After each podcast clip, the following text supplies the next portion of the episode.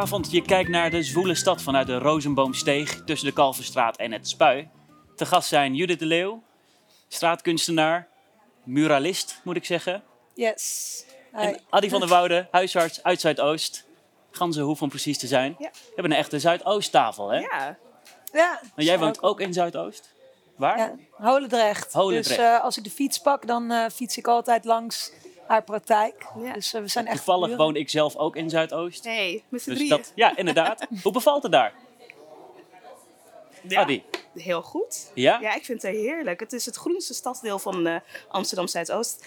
Eh, het wordt gezegd dat er de leukste mensen wonen. Nou, ik zie er hier drie, dus ja. Ben je het daarmee eens?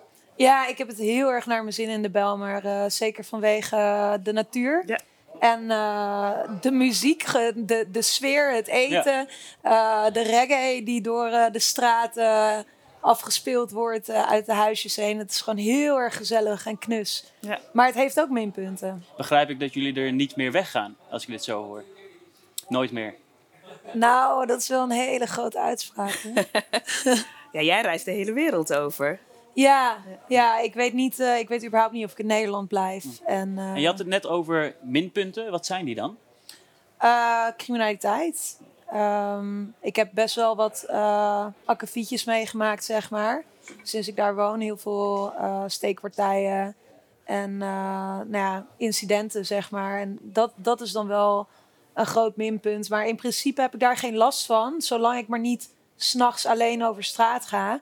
Dat vind heb je dat eigenlijk helemaal niet door. Ja. Uh, maar s'nachts alleen over straat gaan, dat doe ik eigenlijk niet daar. Omdat uh, een vriendinnetje van mij bijvoorbeeld is neergestoken om de hoek. In Zuidoost. Ja, ja dus Heftig. daar voel ik me niet helemaal prettig bij. Nee, begrijpelijk. Maar zou je dat dan wel elders in de stad doen, s'avonds op straat? Ja.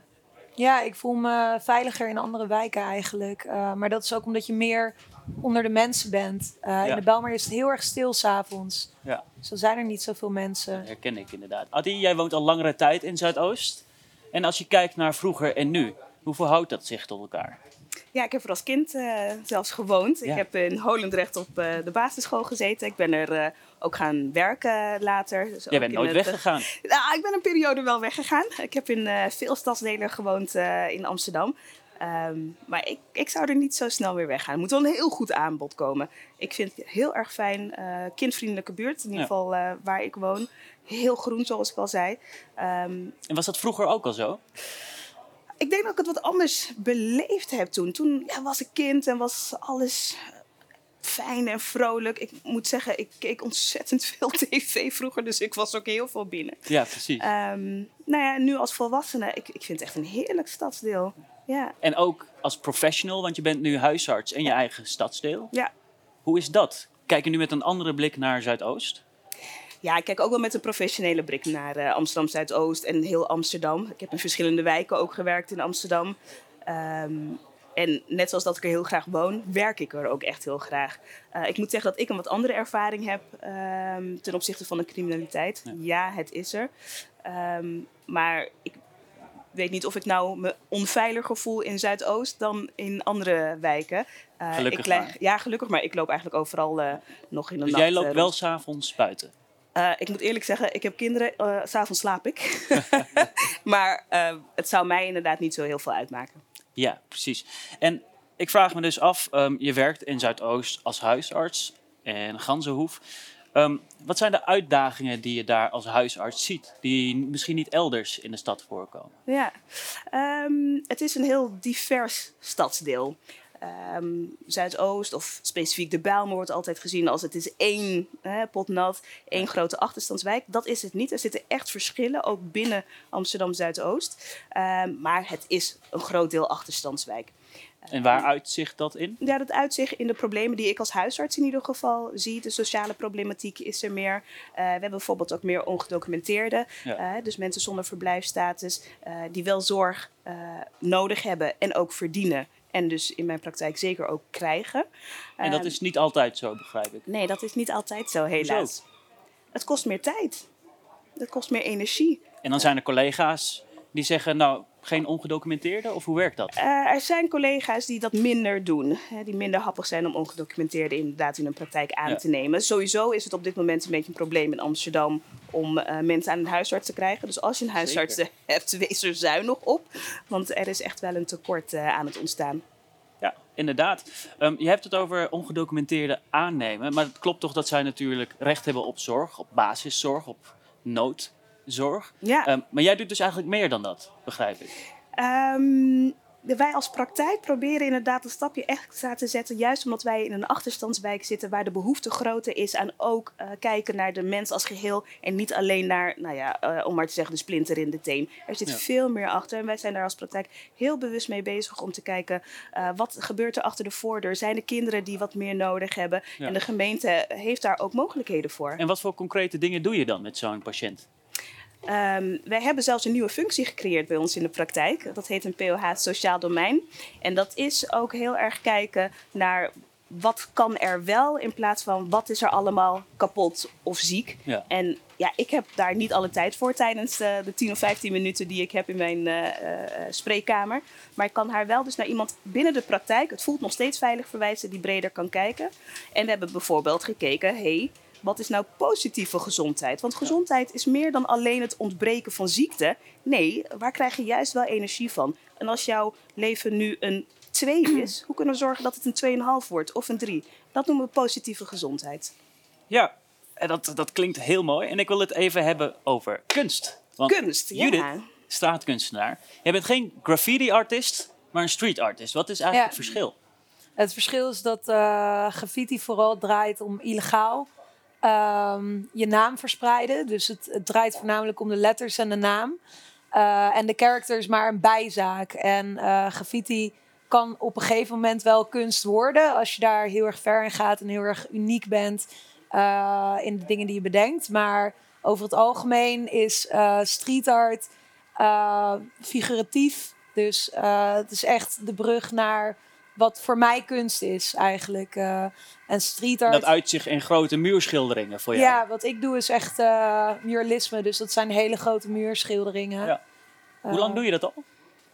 Eh, We gaan zo ik ga kijken nu naar mijn een van 16 jouw jaar werken. in. Je gaat nu je zestiende jaar. Kap. Zes. 16. Niet 16. Aha. Ik ben 26, dus dat zou Dus je doet dit nog maar zes jaar. Professioneel, Ja. ja. Daarvoor, eh, ik ben wel met spuitbussen begonnen tien jaar, elf jaar geleden. Mhm. Eh, maar toen heb ik het nog niet professioneel eh, gedaan gelijk Dus natuurlijk. het heeft best wel lang geduurd voordat je er geld aan kon verdienen. Ja, tuurlijk. Maar ja, ik was ook nog maar een tiener. Ja. En Dus, je hebt eh, zelfs in een eerder interview gezegd met Dave Damon in een AT5-serie eh, Piece of Art, dat jij vroeger heel slecht was. Ja, ik was ook echt heel erg slecht. Hoe kan dat? Ja, iedereen die begint, die is echt heel erg slecht. Ik bedoel, het is niet alsof je geboren wordt en dat je dan ineens als Rembrandt kan je was geen tekentalent. Nee, nee, totaal niet. Eh, ik bakte er echt helemaal niks van. Dus eh, elke keer als ik iemand ook hoor zeggen van... ja, je hebt echt talent, dan denk ik van... waar heb je het over? Het, het is gewoon oefenen. Eh, en als iedereen zo doorzet, dan kan iedereen dat. En hoe lang heeft het geduurd voordat je echt, naar jouw idee, mooie werken maakte? Ehm, ja, dat heeft dus wel ongeveer... even denken, acht, acht jaar geduurd. Dat, ik met spuitbussen erg moest lang. oefenen en dat ik Dat is, een eh, beetje iets kon. dat is de dubbele periode van een eh, bachelorstudie. Ja, ja, maar het is ook niet makkelijk hoor, met spuitbussen schilderen. Hoeveel werken heb je nu in totaal? Eh, volgens mij 35 35. Wauw. Wel murals. En dan tel ik niet de canvassen mee ehm, of kleine dingetjes die ik ergens eh, tussendoor heb gedaan. Dan tel ik echt alleen maar de grote murals Ja. mee. En wat mij opvalt is dat het vaak in het buitenland is. Of vergis ik Ja. mij daarin? Ja, klopt. Hoezo? Ehm, Waarom niet in onze stad? ja, Amsterdam is sowieso onmogelijk. eh, maar daar heb ik het ook al heel erg vaak over gehad. Je hebt eh, in Amsterdam echt een eh, zero tolerance beleid als het gaat om murals. Hoe bedoel je dat? En het is, nou ja, ten eerste, er is geen budget voor. Eh, dus nou, ja, het zit niet echt in het eh, beleid om constant bezig te zijn met het realiseren van muurschilderingen. Dus op het moment dat jij een muurschildering wilt maken in Amsterdam, dan moet je uh, je echt kapot vechten daarvoor. En je krijgt er echt niks voor terug. Uh, want je kan dus wel een beroep maken op subsidieregelingen. Wat ik heb gedaan op het AFK. Amsterdamse Fonds voor de Kunsten. Amsterdamse Fonds voor de Kunsten. En die hebben me gesport. En daar ben ik heel erg blij mee. Maar het heeft me wel anderhalf jaar gekost. En Terwijl je in die tijd heel veel andere werken had kunnen maken. Ja. Aangezien je in best wel korte tijd al 36 werken hebt. Ja, maar gewoon alleen al door die bureaucratie heen gaan en die aanvragen doen, dat, dat kost gewoon anderhalf jaar. En in die end uh, hou ik er geen geld aan over. Want het is subsidie. Daar, daar kan je niet uh, rijk op worden. Uh, dus en wil je dat wel worden? pay off. En je wil er wel rijk op worden? Of? Nee, ik hoef er niet rijk op te worden. Maar je moet het wel, je moet wel een, een een levensvatbare onderneming uh, onderhouden. En op het moment dat ik mijn huur niet kan betalen, dan wordt het heel erg lastig. Dat is niet dus de bedoeling. Als ik het hele jaar lang mm uh, AFK-regelingen aan zou vragen, dan zou het heel moeilijk worden om mezelf nog een kunstenaar te noemen. Ja, het is echt meer bezig met formulieren invullen dan met kunst maken, ja. begrijp ik. Ja, precies. Oké, en je hebt er nu twee in Amsterdam. Eentje bij het Centraal Station en eentje bij het Leidseplein. Ja. Die is net nieuw. Ja. Komt er nog wat bij? Of denk je van, nou, al die bureaucratie, dat hoeft van mij niet? Nou, het is voor nu al heel even genoeg geweest. maar uh, wellicht, uh, ik denk dat twee werken ook wel genoeg zijn. Ik wil ook niet een, een overkill creëren dat mensen door Amsterdam heen lopen en dat er overal een soort van JDL-behangetje op zit. Dat, uh, dat wordt kan dat te veel worden? Nou, ik, ik heb zelf wel gemerkt bij sommige artiesten dat er zoveel van hun werk is dat ik er niet eens meer van kan genieten. Hm. Dan, dan is het gewoon en nog één en nog één en nog één. Dus ik wil ik wil niet dat het te veel wordt. Maar misschien als die van. Uh, als een van de twee weggaat of allebei, dat ik wel nog eentje maak. Nou, ik heb jouw werken gezien. Voor mij mag er nog wel eentje bij. Misschien wel twee hoor in Amsterdam. nou, dankjewel. Ja, ja, absoluut. En ik wil het ook hebben over um, dus je kunst in het buitenland. Je bent onlangs uh, in Parijs geweest, maar ook in Italië. Mm. Daar heb je best wel een bijzonder stuk gemaakt. We hebben wat uh, meegenomen. Gaan we even naar kijken. En ik wil jou vragen om even te vertellen wat we gaan zien. Uh, wat we gaan zien is mijn uh, meest recente mural in uh, Padova. Dat is in de Biennale. Ehm, Biennale is een regio rondom Venetië. En ik heb daar een muur gemaakt voor mijn adoptiebroer en mijn nieuwe adoptiezus. Die met spoed zijn getrouwd, omdat mijn nieuwe adoptiezus is gediagnosticeerd met borstkanker. En moest beginnen aan de chemokuren. En toen heeft mijn broer gezegd: Ik trouw met je, zodat ik ervoor kan zorgen dat ik altijd er voor je kan zijn. En toen heb ik hun op hun huwelijk, de week daarna, een mural cadeau gegeven als tribute aan hun voor een huwelijkscadeau. En ik heb hun ook meegenomen naar Italië, een trip cadeau gegeven, een vakantie. Dus dat was een hele ervaring. Uh, dus je kijkt naar het huwelijkscadeau. Ook wel heftig. Ja. Hoe was het om te maken? Heftig. um, over het algemeen was het niet heel erg anders dan andere projecten in terms of work, zeg maar. Maar, uh, maar het is was toch een heel emotioneel. Toen, uh, ja, toen zij kwamen was het heel heftig natuurlijk. Uh, toen ik aan het verven was, was het allemaal leuk ja. en aardig. Maar toen zij kwamen, was het heel intens. Hoe reageerde zij? Ja, huilen. Hmm. Iedereen huilen. Ook uh, moeder die thuis zat moest huilen. En uh, andere zus moest huilen. Iedereen huilen. Het is ook wel bijzonder dat je dit kunstwerk op de zijkant van een ziekenhuis gemaakt hebt. Ja, ja waar dus heel, heel veel, veel patiënten waren daar uh, ook in behandeling. Hoe reageerden zij? Nou, iedereen die kwam naar me toe. Um, en dat was echt heel mooi. Ik, er kwam een soort van meet-up area om over dingen te praten. En dat, uh, dat heb ik wel vaker gehad met mijn murals. Dat niemand zich eigenlijk gemakkelijk voelt om ergens over te praten. En dat je dan bezig bent met zo'n project. En dan heeft iedereen ineens zin om hun persoonlijke verhaal te vertellen. Dus ik heb uh, ongeveer zes kankerpatiënten uh, daarvoor mijn muur ontmoet. Die me vertelden dat ze die muurschildering heel erg mooi vonden en waardeerden. Ja. omdat zij in dezelfde situatie zaten. of iemand die haar man had verloren aan kanker. Die werkt in het winkeltje. Dus het voelt een beetje alsof je hen hebt gesteund met dit kunstwerk. Dat kan ik wel. Ja. Je helpt anderen eigenlijk. Ja, het betekent heel erg veel voor anderen. Ik deel eigenlijk gewoon het verhaal van Sanne en Casper. En daar herkennen anderen zich in.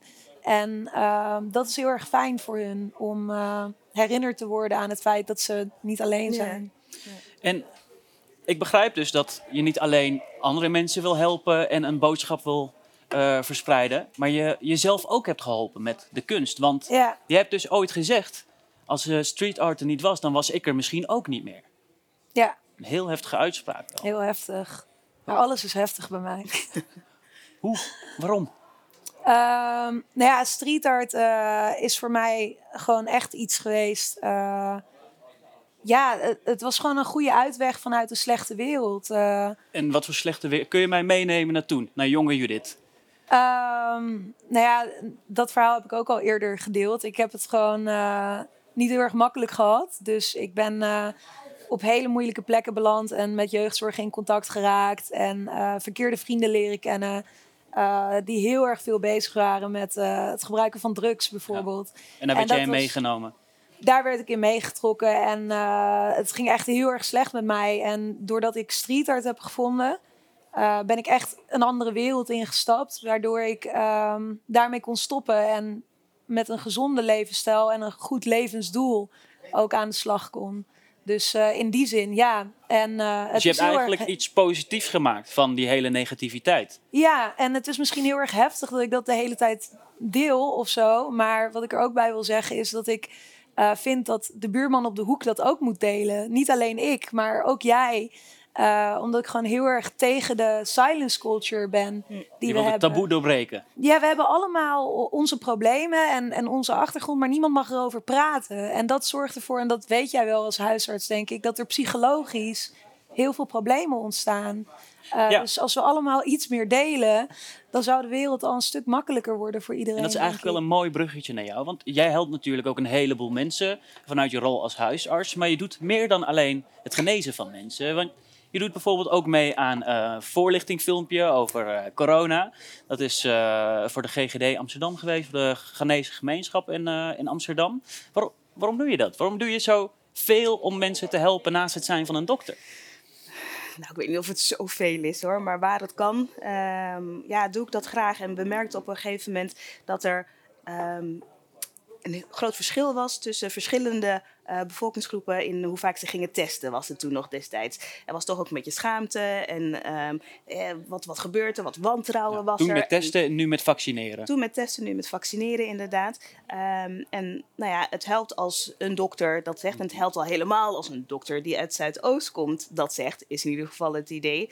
Eh, en daar sta ik heel erg achter om Maar omdat dat te je delen. een persoon van kleur bent, bedoel je dan? Een persoon van kleur, iemand die ze kennen, die, waarvan ze weten, oh, die is in de buurt opgegroeid, is ook weer Mhm. Eh, dus als dat scheelt, ja, dan wil ik dat heel graag doen. Maar Maar heb jij dan het idee dat deze mensen te weinig bereikt worden met bijvoorbeeld het verhaal over corona of over zorg in het algemeen? Nou ja, het is wel een stuk lastiger eh, om bereikt te worden als je bijvoorbeeld een taalachterstand hebt. Hè? Eh, of als je laaggeletterd bent. Dan hoef je niet eens eh, uit diep donker Afrika te komen. Er zijn ook heel veel autochtone Nederlanders. ik weet niet of die term nog correct is. Maar die ook laaggeletterd zijn en moeilijker bereikt worden. Het is ook moeilijker om mensen te bereiken die zo diep in de...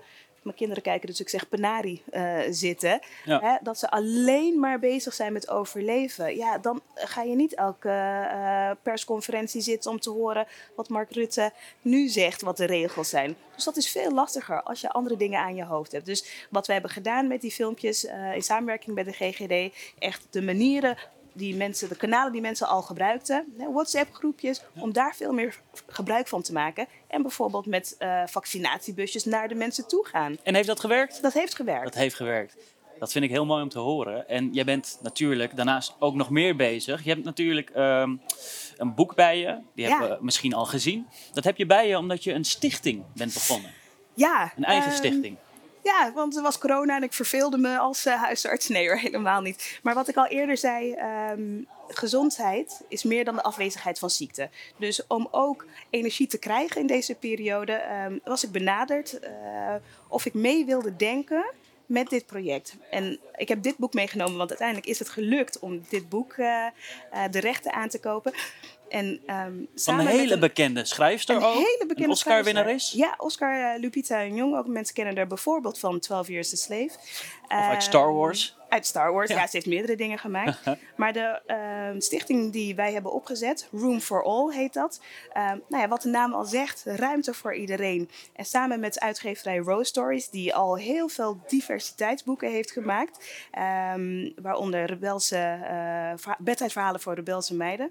Zijn we samengekomen, want boeken op jonge leeftijd waarin kinderen zichzelf herkennen Mhm. of leren hoe hè, de wereld buiten hun eigen bubbel eruit ziet, dat legt al het fundament van een wereldbeeld. Dus als jij een boek openslaat en iemand anders ziet die er niet zo uitziet als jij, hé, dan maak je daar kennis mee. Of als je wel juist iemand zie- hè, ziet die eruit ziet als jij, dan denk je, oh, er zijn meer mensen zoals ik. Toen ik opgroeide, Precies, hoe was dat toen jij opgroeide? Ik ken het ook niet, nee. Dat nee, heb je, kinderboeken over mensen met mijn achtergrond Nee. gingen in het Nederlands. Nee, het is er gewoon nauwelijks. Dus, nou ja, dat was het idee achter. Dus de stichting die we hebben opgezet, Room for All, om dat veel meer in Nederlandse kinderboeken te krijgen. Nou, eh 1 oktober begint weer de kinderboekenweek, of tenminste, eh, in oktober begint dat. Ehm, en we dachten, we moeten zes boeken. Zo Zes. snel mogelijk. Waarom zes? Mooi getal. We dachten, we gaan ervoor. Gewoon voor het gevoel. Eh, waarin dit soort dingen voorkomen. Dus bijvoorbeeld dit boek, Soulway. Ehm, dat is een boek over een meisje met een prachtige kleur. Prachtige huidskleur. Kleur van de nacht. De kleur van de nacht. Maar zij vindt het te donker, want iedereen om haar heen is veel lichter. Ja. Dus ze vindt zichzelf daarom niet mooi. Een herkenbaar verhaal ook. Dan breekt mijn hart. Ja. Terwijl je denkt van, oh, maar je bent juist zo mooi. Nou goed, daar gaat dit verhaal over. Maar we hebben dus nog vijf andere boeken. Met eh, een meisje met een eh, hoofddoek bijvoorbeeld. Nou, hoe vaak zie je dat nou in kinderboeken? Dus als je jong begint, dan kunnen we de wereld veranderen. Kinderboek voor kinderboek. Beetje en dat is beetje. wat we willen doen. Ja. Heb jij vroeger dit soort kinderboeken gelezen of eh, nee, behoefte totaal aan niet. gehad? En eh, als je het hierover hebt, dan denk ik ook van ja, dit is eigenlijk precies wat, wat iedereen moet doen. En wat ik ook probeer te doen. Eh, je moet er gewoon over blijven praten. Op het moment dat je er niet over praat, dan bestaat het niet. En kinderen worden, volgens mij heb ik daar ook een documentaire over gezien. Wat was het? Wit is ook een kleur. Ja. Dat was die kinderen die waren racistisch. Ja, maar dat, Niet dat, normaal. dat, ja, dat hebben wij gedaan als maatschappij. Dat leren ze aan Ja. door dit soort dingen. Door dit soort door, dingen. door niet de juiste kinderen, kinderen te over krijgen. één ouder, hè, boek over eenoudergezinnen. Mijn zus die schrijft nu een boek over eh, alleenstaande moeders die huiselijk geweld meemaken. Prinses Mama. Nou, dat is toch geweldig dat je dat ook ziet. Prachtig. Dus dat mag er zijn. Eén vraag, Judith. Je volgende werk, waar wordt dat? Mijn volgende werk. eh, ik ben bezig in, eh, in Amsterdam. Aan Amsterdam. een heel erg groot project waar niemand iets over mag weten. En daarna Oh, ga in welke ik naar wijk? Mag ik dat wel weten? Welke wijk? Welk stadsdeel? Ik ben bezig eh, aan een canvas. Een canvas. In een loods. Hm. En een loods. Wij Ja, gaan dus het het wordt uitzoeken. niet op straat. Maar daar kan ik echt niks over zeggen. Misschien zie ik je dan weer. Dankjewel voor het komen. Jij ook bedankt. De kijker thuis, bedankt voor het kijken naar deze zwoele stad. Tot de volgende.